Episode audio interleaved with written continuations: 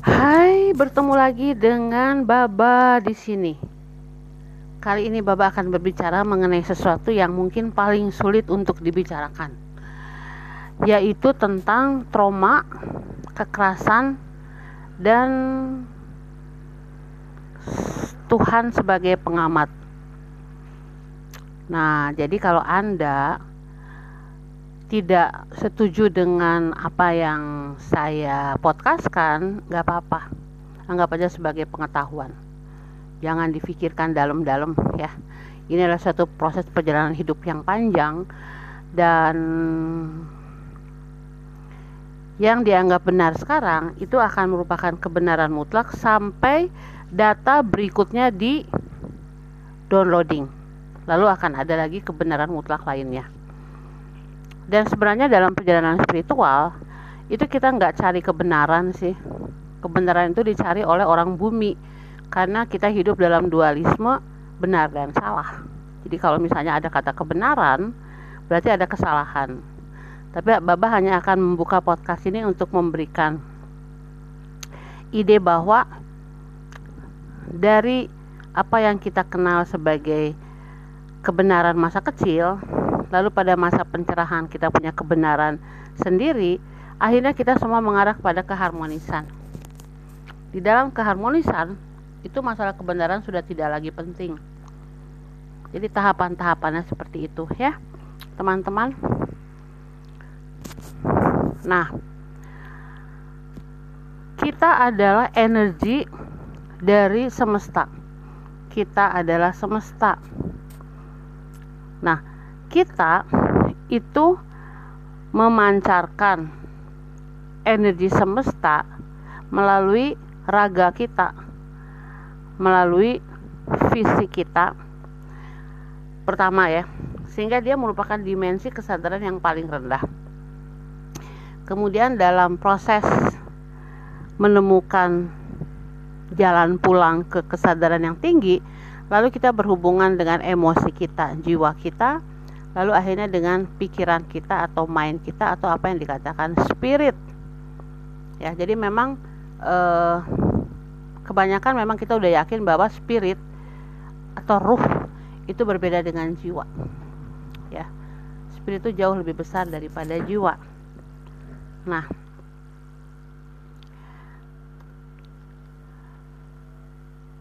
apa ya? Apa yang harus kita refleksikan tentang apa yang disebut sebagai trauma. Jadi, trauma itu adalah sesuatu yang sangat-sangat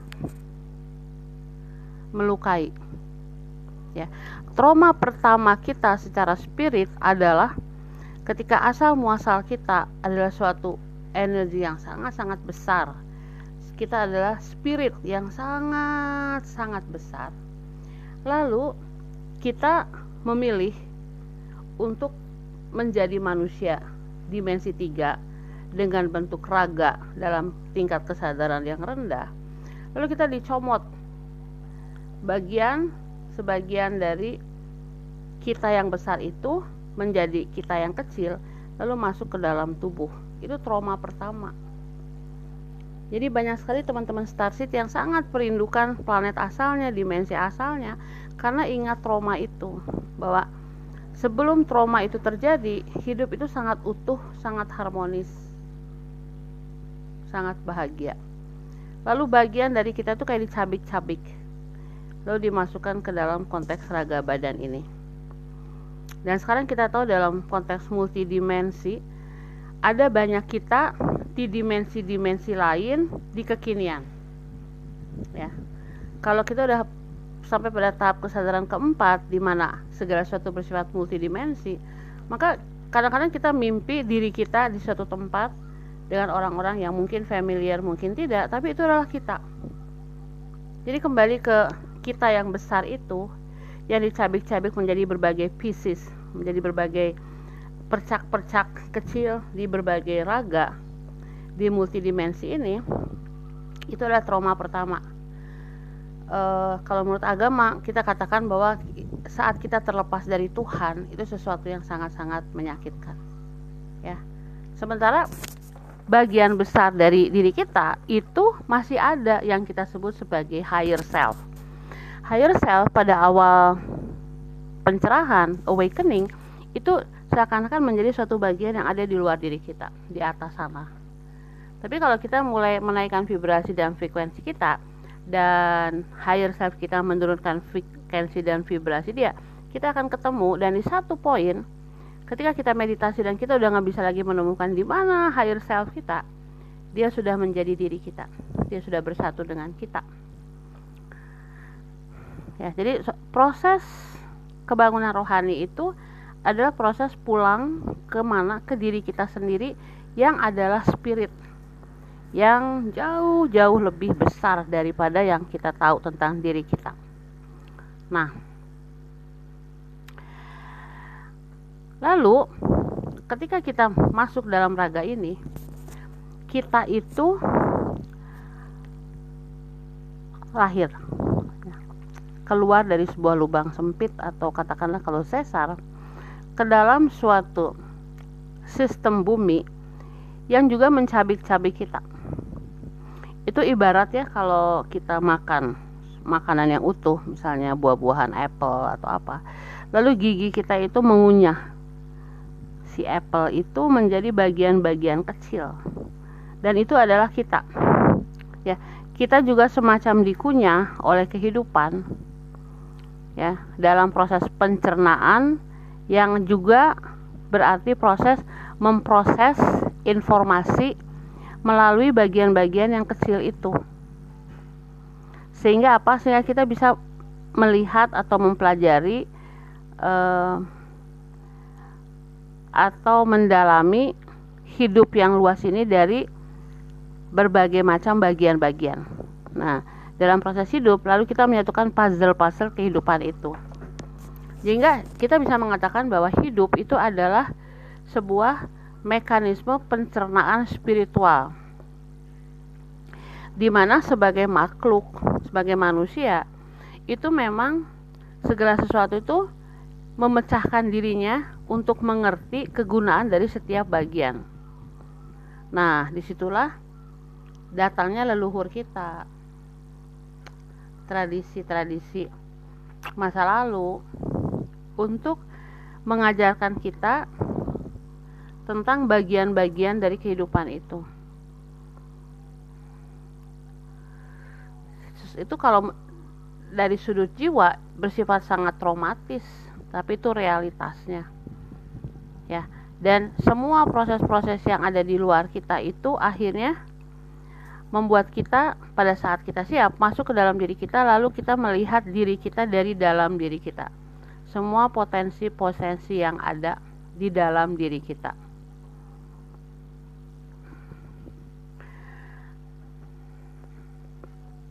Nah, proses pencernaan atau proses memproses informasi itu dilakukan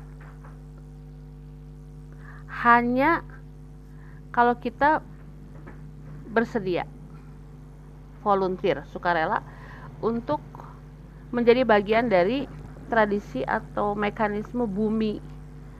Nah, kalau tidak, maka traumanya semakin besar. Karena kita merasa kita dibuang dari bagian spirit kita yang besar ya, dibuang oleh higher self kita, dibuang dari dalam tanda petik surga. Lalu kita masuk ke dalam dunia yang penuh dengan uh, di di apa ya pembagian-pembagian. Pengkotak-kotakan lah ya. Pengkotak-kotakan maka traumanya semakin tambah apalagi kalau ditambah dengan pengalaman-pengalaman masa kecil.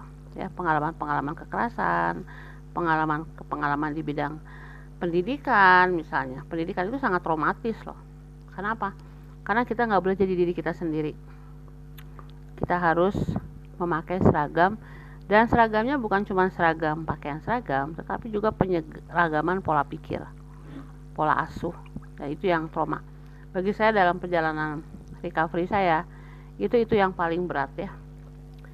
E, berusaha melihat bagian-bagian dari agama, tradisi adat, istiadat, dan pendidikan lalu merasakan kembali kepedihan masa kecil itu sehingga akhirnya trauma itu dia tidak lagi menguasai diri tetapi kita yang bisa mempergunakan trauma itu untuk bangkit secara spiritual itu prosesnya panjang dan menyedihkan.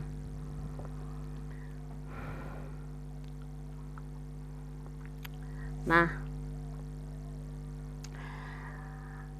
teman-teman kita nggak punya pilihan lain. Karena kalau kita tidak makan ya kita tidak mengunyah kalau kita tidak mau melewati suatu pencernaan kita akan mati. Itu berlaku untuk fisik dan spiritual. Jadi pilihannya adalah menjalani dan dengan apa ya dengan willingness dengan keterbukaan hati kita lalu belajar kita melakukan sesuatu kita e, menyadari posisi kita dalam masyarakat dalam kebudayaan dalam sekolah dalam pertemanan dalam pekerjaan. Dan kita lihat e, apa yang dimandatkan oleh para leluhur lalu kita mulai menamakan setiap trauma itu sebagai apa. Ya misalnya nih e, waktu saya di sekolah itu saya lebih sering dibanding-bandingkan sih sama kakak saya. Dan dibanding-bandingnya itu kayaknya sesuatu yang dilakukan oleh sistem dengan sangat enak gitu ya nggak memperhatikan jiwa. Karena memang satu sekolahnya juga dari TK sampai SMA jadi kayak saya ada dalam bayangan kakak saya. Dan itu tuh berjuang banget untuk melepaskan trauma tersebut ya bahwa saya adalah saya adalah my own person dan gak ada hubungannya sama dia gitu. Ya itu itu salah satu yang harus saya benar-benar uh, cerna lalu uh, lepaskan. Nah trauma-trauma itu di apa ya di dijadikan bagian dari kontrak jiwa kita. Jadi memang itu bagian dari kontrak jiwa kita sih. Ya jadi trauma kalau kita lihat dalam akar katanya ya berasal dari bahasa Yunani artinya luka luka akibat dipotong akibat dicincang akibat digigit apa pun itu. Lalu dia menimbulkan luka yang lebih besar. Lalu dia dia itu uh, dilalui dengan air mata, berdarah-darah, tantangan, hukuman, teriakan-teriakan, kritisisme, ya, kontrol, krisis, manipulasi dan lain-lain. Dan itu membuat kita semakin jauh dari esensi kita yang sebenarnya. Kita berhenti menjadi pusat dari kehidupan emosi kita, perilaku kita, bahkan tangan kaki dan organ-organ dalam tubuh kita. Dan proses ini sangat menyakitkan. Tetapi setiap tangisan, tantangan, hukuman, teriakan, kritisisme, mandat, kontrol, krisis dan lain-lain itu di suatu saat itu dia akan menjadi bahan. Bahan untuk apa? Bahan untuk me menyatukan semua bagian-bagian puzzle dalam kehidupan kita. Lalu kita tahu bahwa kita jauh lebih kuat daripada semua luka-luka itu jadi mungkin agak susah ya untuk teman-teman yang baru melewati suatu proses pencerahan atau proses recovery kalau mendengar Bapak berkata kita harus berterima kasih pada trauma-trauma kita. Karena tanpa trauma-trauma itu, kita tidak tahu bagaimana rasanya menjadi manusia dimensi ketiga. Dan itu di kontrak jiwa. Kita di kontrak jiwa.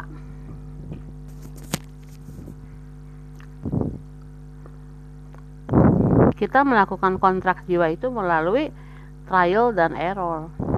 Kita melakukan kegagalan, lalu berjuang lagi, lalu kegagalan lagi lalu melalui penderitaan-penderitaan itu kita belajar ya kita belajar belajar tentang apa belajar tentang spirit.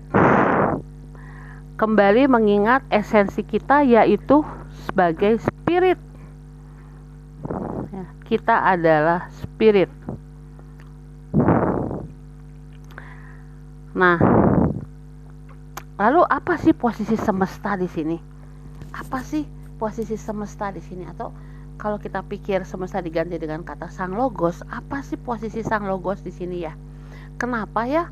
Dengan kekuatan semesta, dengan kekuatan sang logos, dia membiarkan semua penderitaan yang terjadi. Oke, katakanlah ya, penderitaan penderitaan kita mungkin nggak terlalu sebanding dengan orang lain ya. E, kekerasan seksual, peperangan, kemiskinan, kelaparan, pengkhianatan, semua. Semua penderitaan-penderitaan yang ada di dunia ini ya ya yang manusia alami lalu di mana sih posisi semesta? Di mana posisi sang logos? Gitu ya. Pertanyaannya apakah kita itu sama dan sebangun dengan semesta. Apakah kita itu berbeda dengan semesta? Nah kita akan lihat semesta dari pola pikir seorang pendidik. Jadi semesta itu adalah seorang pendidik yang super super super intelligent. Yang melalui free will itu memberikan semacam kesempatan untuk belajar melalui trial dan error untuk mengalami penderitaan, luka, tangisan, krisis, frustasi dan lain-lain sebagai suatu proses asimilasi jadi semesta itu melihat ya semesta itu mengobserv kita sebagai sesuatu yang didesain untuk melihat kita berkembang, belajar, berekspansi. Nah, lalu kenapa semesta kok membiarkan penderitaan ada, kekerasan ada? Bukankah itu yang disebut tidak adil? Ingat ya, adil dan tidak ada adil itu ada dalam kebudayaan manusia konteksnya manusia di semesta nggak ada yang disebut adil dan nggak adil kalau misalnya semesta itu bisa mengintervensi intervensi kekerasan yang terjadi di dunia maka sebenarnya semesta itu mempunyai mentalitas sebagai seorang diktator Nah, diktator itu hidup dalam dualisme antara apa yang benar dan apa yang salah. Kalau misalnya semesta itu ikut campur dalam e, menghentikan trauma-trauma manusia yang ada sehingga tidak ada penderitaan di dunia ini, maka kita nggak dikasih kesempatan untuk melakukan discernment. Discernment itu uh, merefleksikan ulang kembali kita sebagai co-creator. Ya jadi semesta itu dia harus bersifat netral. Dia adalah pendidik yang netral. Dia nggak bisa apa ya nggak bisa pilih kasih. Nggak bisa dia. Karena dia tahu bahwa yang pertama ada kontrak kerja ya. Kontrak jiwa. Itu udah basic banget. Nggak bisa intervensi. Namanya juga free will. Tetapi semesta itu dia itu hanyalah sebagai pengamat. Dia mengamati tanpa menghakimi menilai apalagi menghukum. Karena apa? Karena semesta itu yang nama lainnya adalah sang logos itu dia sendiri sedang berekspansi. Ekspansinya itu melalui kita-kita ini yang adalah bagian dari sang logos, bagian dari semesta yang ingin mengetahui segala sesuatu berdasarkan pengalaman kita sendiri. Jadi setelah kita mati, bayangkan ya, setelah kita mati, pada saat yang bersamaan kita bangkit, spirit kita kembali ke spirit asal kita, lalu kita bisa bercerita Oh, jadi rasanya menjadi korban perang seperti ini loh. Menjadi korban perang itu adalah ketika kita menjadi matrix atau menjadi robot tanpa pilihan atau kita dilarang punya suara hati dan kita harus mengikuti perintah untuk membunuh sesama manusia. Gitu. si tahu tentang pengalaman itu melalui kekerasan apa pun juga termasuk kekerasan agama, adat, eh, kekerasan sistematis politis, ekonomi dan lain-lain itu membuat si jiwa itu naik tingkat dalam tingkat kesadaran dan semesta tahu itu sehingga semesta tidak bisa mengintervensi ya semesta itu dia adalah observer. Dia adalah pengamat.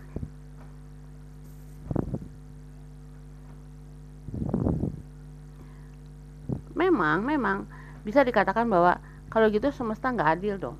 Kalau gitu Tuhan nggak adil dong membiarkan penderitaan. Tetapi untuk tujuan pendidikan uh, itu harus dilakukan.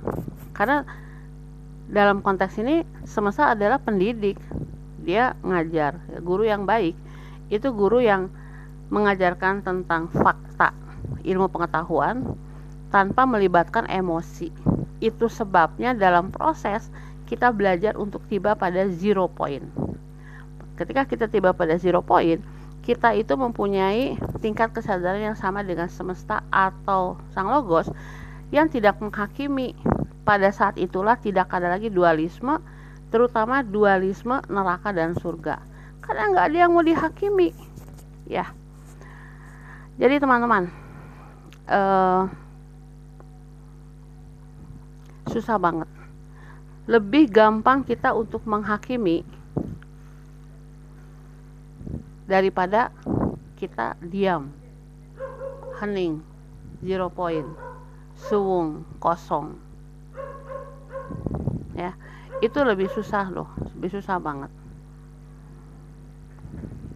Tapi itu yang harus kita lakukan. Kontrak jiwanya seperti itu. Uh, boleh nggak kita nggak mau melakukan kontrak jiwa? Boleh silahkan aja nggak apa-apa. Nggak apa-apa. Bahkan semesta mengerti pada saat seorang bunuh diri karena tingkat penderitaannya sudah sangat tinggi. Tetapi bagi light worker starseed wanderer ya itu si higher selfnya akan intervensi. Yang intervensi higher selfnya bukan untuk menghentikan penderitaan itu tetapi untuk memberikan kekuatan bahwa oke okay, kita bisa gitu. Kita bisa kita bisa kita mampu kita mampu. Itu sebabnya dalam kisah nabi-nabi itu e, katakanlah Nabi Isa ya dia itu diberi tugas untuk memberikan contoh bagaimana dia melewati penderitaannya. Itu dengan hening cintanya kepada bapaknya yaitu sang logos itu membuat dia melakukannya sesuai kehendak sang logos dengan hening. Dia nggak mencaci maki pemukulnya dia nggak mem memarahi murid-murid yang meninggalkan dia. Dia nggak ngapa-ngapain dia cuma hening. Mengalami trauma suffering yang sangat-sangat hening. Dan itu yang e, contohnya contohnya tuh konkret banget gitu dan itu semua diatur oleh semesta ya jadi ribuan tahun sebelum masa era perpindahan dari Pisces ke Aquarius itu semuanya udah diatur loh, udah diatur. Perputaran 12 rasi bintang selama 26.000 tahun yang sekarang mulai lagi itu semuanya diatur oleh mekanisme semesta. Jadi kedatangan light worker stasis ke bumi ini dia bukan suatu kebetulan, dia sudah sudah benar-benar uh, blueprintnya udah jelas. Hmm. Semuanya sudah dilihat secara detail. Nah, jadi teman-teman, saya akan e, bercerita kenapa saya membuat podcast ini. Jadi di grup Toy itu ada diskusi. Diskusi itu dari kisah sahabat saya bercerita. Dia bilang begini. E, tadi siang di depan rumahnya orang-orang ribut karena ada pelecehan seksual kasus pelecehan seksual dan semua warga ribut ya ribut dan dia bilang dan saya hanya sebagai pengamat dan terus bermain dengan seorang anak nah, anak ini starseed ya anak ini dia umurnya nggak sekolah tapi dia pinter banget. Pengetahuan tentang semestanya luas banget. Jadi sahabat saya ini akhirnya dia memutuskan untuk bermain sama anak ini.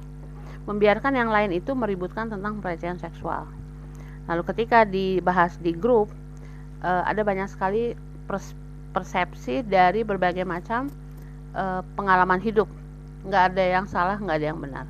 Semua persepsi benar dari yang perkataan tidak adil sampai perkataan bahwa apa yang terjadi dalam diri manusia itu kita yang memintanya jadi Tuhan nggak bisa disalahkan tetapi kita yang salah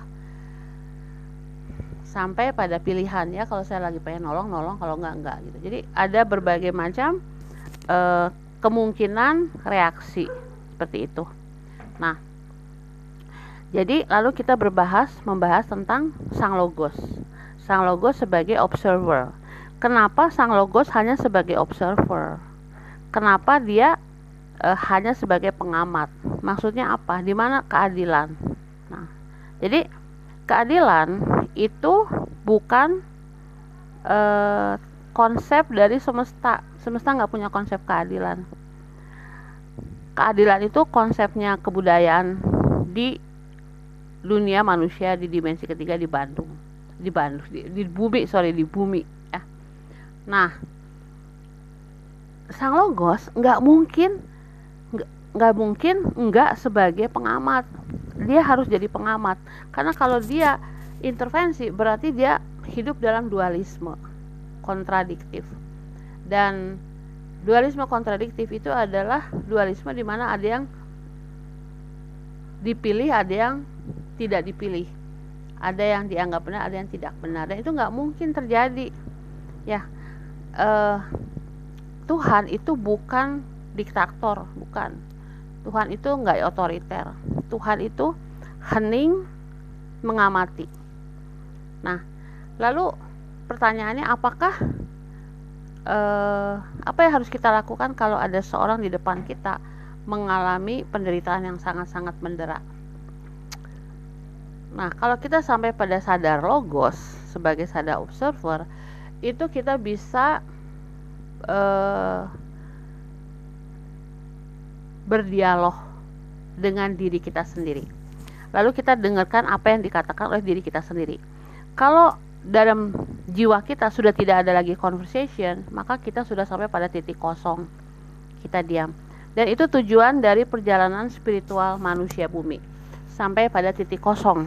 Nah, kalau setiap manusia bumi sampai pada titik kosong, maka tidak ada lagi kekerasan di luar sana.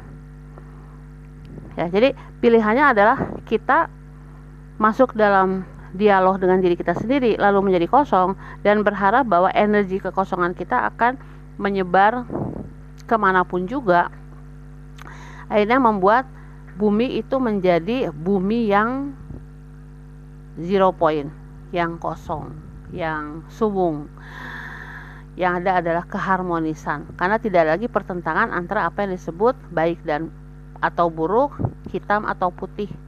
Nah seperti itu ya. Kemudian hal lain yang bisa kita lakukan adalah tidak melakukan apa-apa. Ini adalah sesuatu yang sangat-sangat susah, sangat-sangat berat. Apalagi kalau kita hidup di masa kecil yang penuh dengan kekerasan. Kita pengennya bereaksi. Nah, saya ingat ya waktu di waktu kuliah dulu tuh saya bertemu dengan seorang aktivis Malaysia di Amerika Serikat yang dia itu menjadi korban kekerasan pamannya. Dan saya ingat dia bilang begini saya mau pulang ke keluarga besar saya. Lalu saya mau kumpulkan semua keluarga besar saya lalu saya mau bilang betapa saya menderita karena perilaku paman itu waktu itu saya tanya emang uh, how old are you? Gitu. Dia bilang oh saya 45an jadi mungkin pamannya ya berapa tahun lebih tua lah ya bisa 60an lalu saya bilang lalu apa fungsinya? Gitu ya. Apa fungsinya menggoncangkan suatu keharmonisan yang ada di keluarga besar yang akhirnya akan menimbulkan uh, cekcok. Cekcok. Lalu dia bilang nggak apa-apa. Yang penting semua orang tahu saya punya cerita seperti ini karena saya juga sudah menderita. Lalu uh, saya nggak ngomong lagi sih hening aja ya. Pikir ya udah oke okay, good luck ya. Mungkin itu adalah prosesnya dia bahwa dia harus ke pulang ke Malaysia. Dia harus menyatakan kebenaran dia mungkin itu penting bagi dia. Nggak apa-apa nggak apa-apa. Jadi uh, pilihan itu benar. Atau ketika saya uh, di negara lain bertemu dengan seorang aktivis perempuan dan kerjaan kita tuh mengunjungi ini mengunjungi penjara perempuan di Chiba Nah, di penjara perempuan itu, semua perempuan yang ada ditahan di situ orang-orang Filipina yang jadi pekerja seksual. Mereka biasanya membunuh mafia atau membunuh pasangannya karena pelecehan seksual, kekerasan seksual. Padahal mereka itu didatangkan untuk jadi entertainer, penari di klub-klub malam gitu. Jadi saya ke sana naik kereta apinya juga jauh banget ya di luar kota Tokyo. Nah, ada hal yang paling-paling mengganggu kedamaian hati adalah bahwa si pengawal-pengawal orang-orang Jepang itu naruh kaca di atas kamar mandinya si cewek-cewek ini. Jadi kalau mandi tuh diliatin gitu diliatin. Nah itu yang paling mengganggu saya sih ya. Itu waktu itu saya masih muda jadi saya tuh bergumul banget bergumul banget. Untung saya punya seorang pembimbing dan pembimbing itu bilang kita nggak bisa ngubah dunia kita hanya bisa mengubah diri kita sendiri dan bagaimana kita mengubah persepsi kita. Jadi akhirnya yang saya lakukan adalah saya masuk dalam trauma-trauma masa kecil. Lalu uh, mulai bercerita. Dan pada saat bercerita itu si darahnya mulai keluar lagi. Kadang ketika masih kecil ketika mengalami trauma kita tuh nggak nggak pakai emosi teman-teman. Kita tuh kayak sekedar bertahan hidup supaya bisa menjalankan fungsi dengan baik dengan penuh ketakutan. Jadi setelah kita dewasa kita baru memproses trauma-trauma itu. Dan trauma-trauma itu diproses bersama dengan puluhan orang yang juga mengalami trauma kekerasan seksual yang sama dari berbagai bangsa. Jadi saya benar-benar diberkati banget, benar-benar difasilitasi untuk lihat bahwa yang namanya korban itu dia melampaui eh, warna kulit, tingkat pendidikan, bahasa. Dan itu benar-benar pengalaman powerful banget. Karena apa? Karena akhirnya saya menyadari bahwa itu PR kita masing-masing. Waktu itu saya nggak tahu yang disebut uh, kontrak jiwa, ah nggak tahu. Saya nggak tahu apa yang disebut light worker, nggak tahu. Saya nggak tahu ada yang disebut perubahan era transformasi nggak tahu. Yang saya tahu saat itu adalah saya punya misi masuk ke dalam diri melepaskan kemelekatan-kemelekatan terhadap relasi-relasi karmik lalu benar-benar mencari jawaban mengapa Tuhan membiarkan segala sesuatu terjadi. Nah lalu sejak saat itu relasi dengan Tuhan berubah banget. Tuhan yang dulu tuan masa kecil masa remaja masa dewasa muda sekarang eh, konsepnya udah lebih besar lebih ekspansif lebih dalam lebih tinggi daripada Tuhan yang saya percaya waktu kecil. Menghukum menilai memasukkan ke neraka. Senang kalau manusia itu e, bertobat gitu loh. Karena dia merasa bahwa nih akhirnya gue bisa kasih maaf ke lo gitu ya.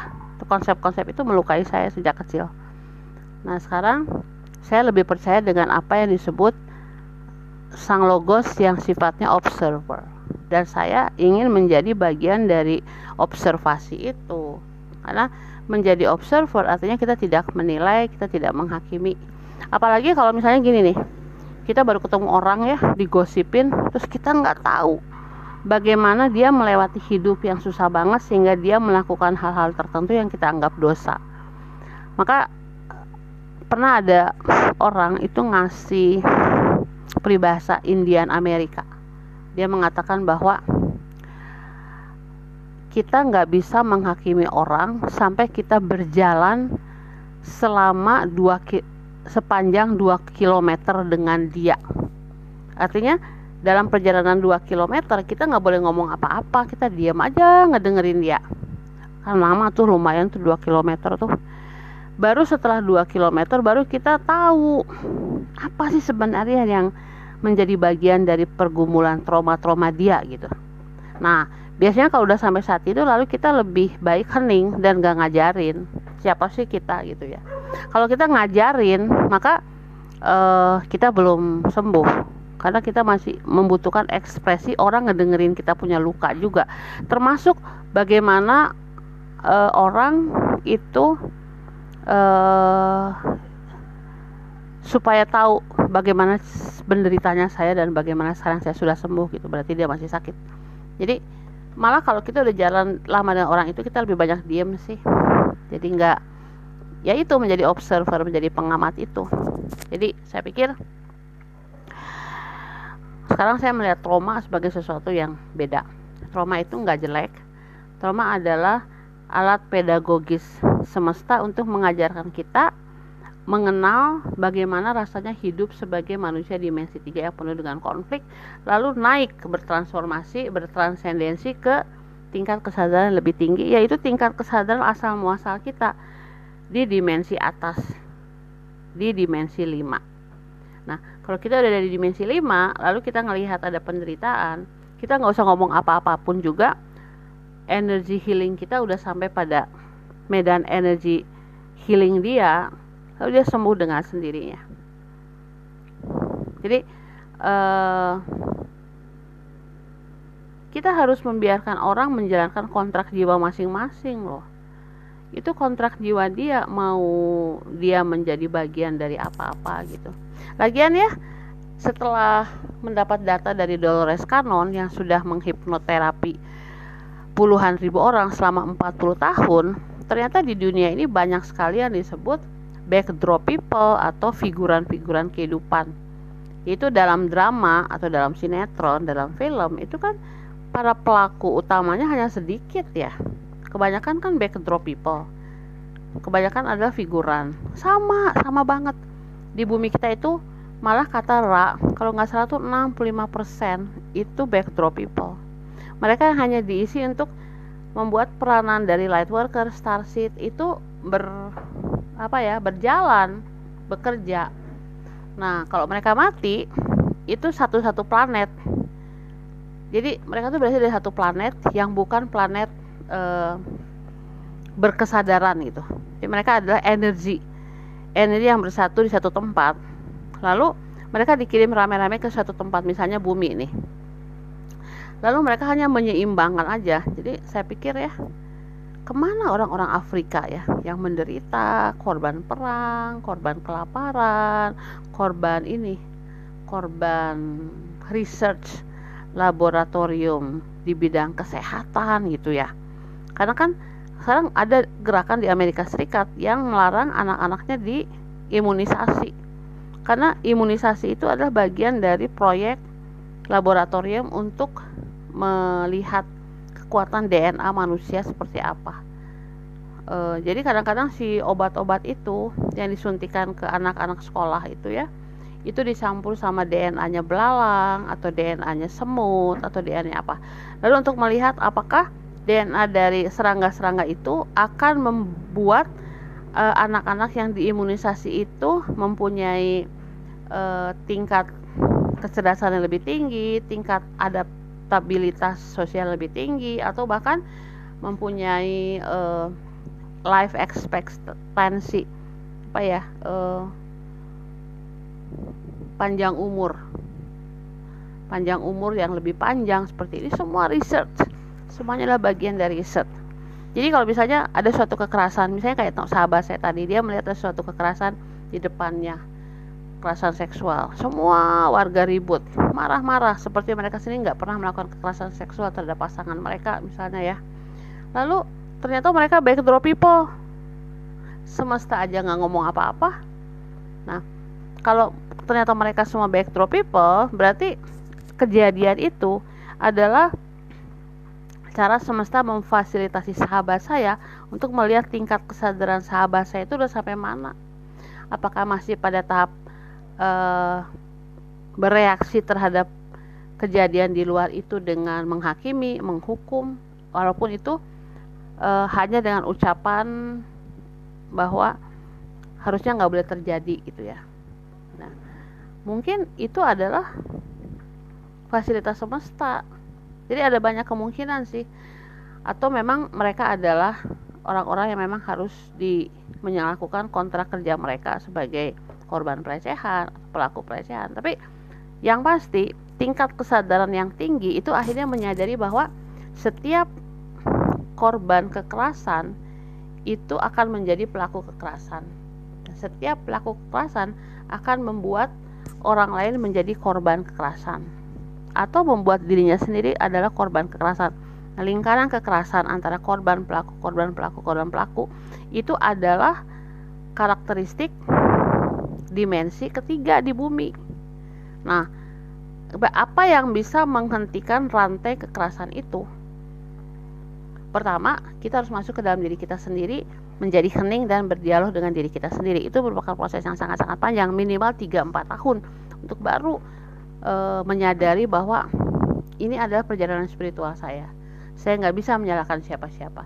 Dan saya sebagai korban ternyata adalah juga pelaku kekerasan.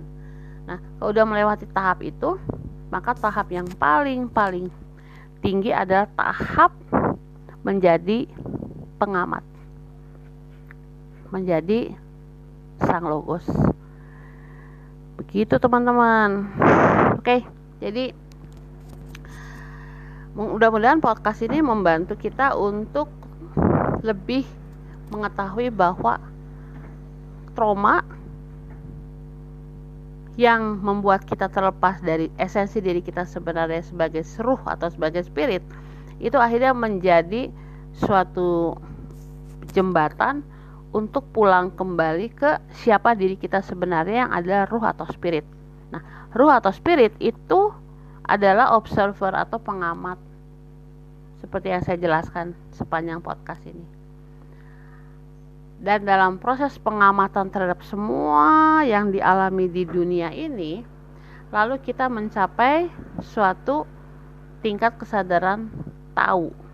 Kita tahu menurut pengalaman kita sendiri, bukan kata orang. Ya.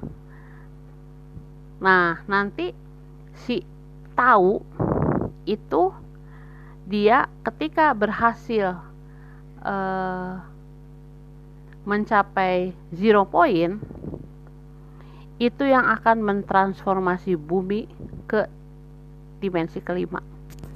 Itu yang akan mentransformasi ibu gaya naik dimensi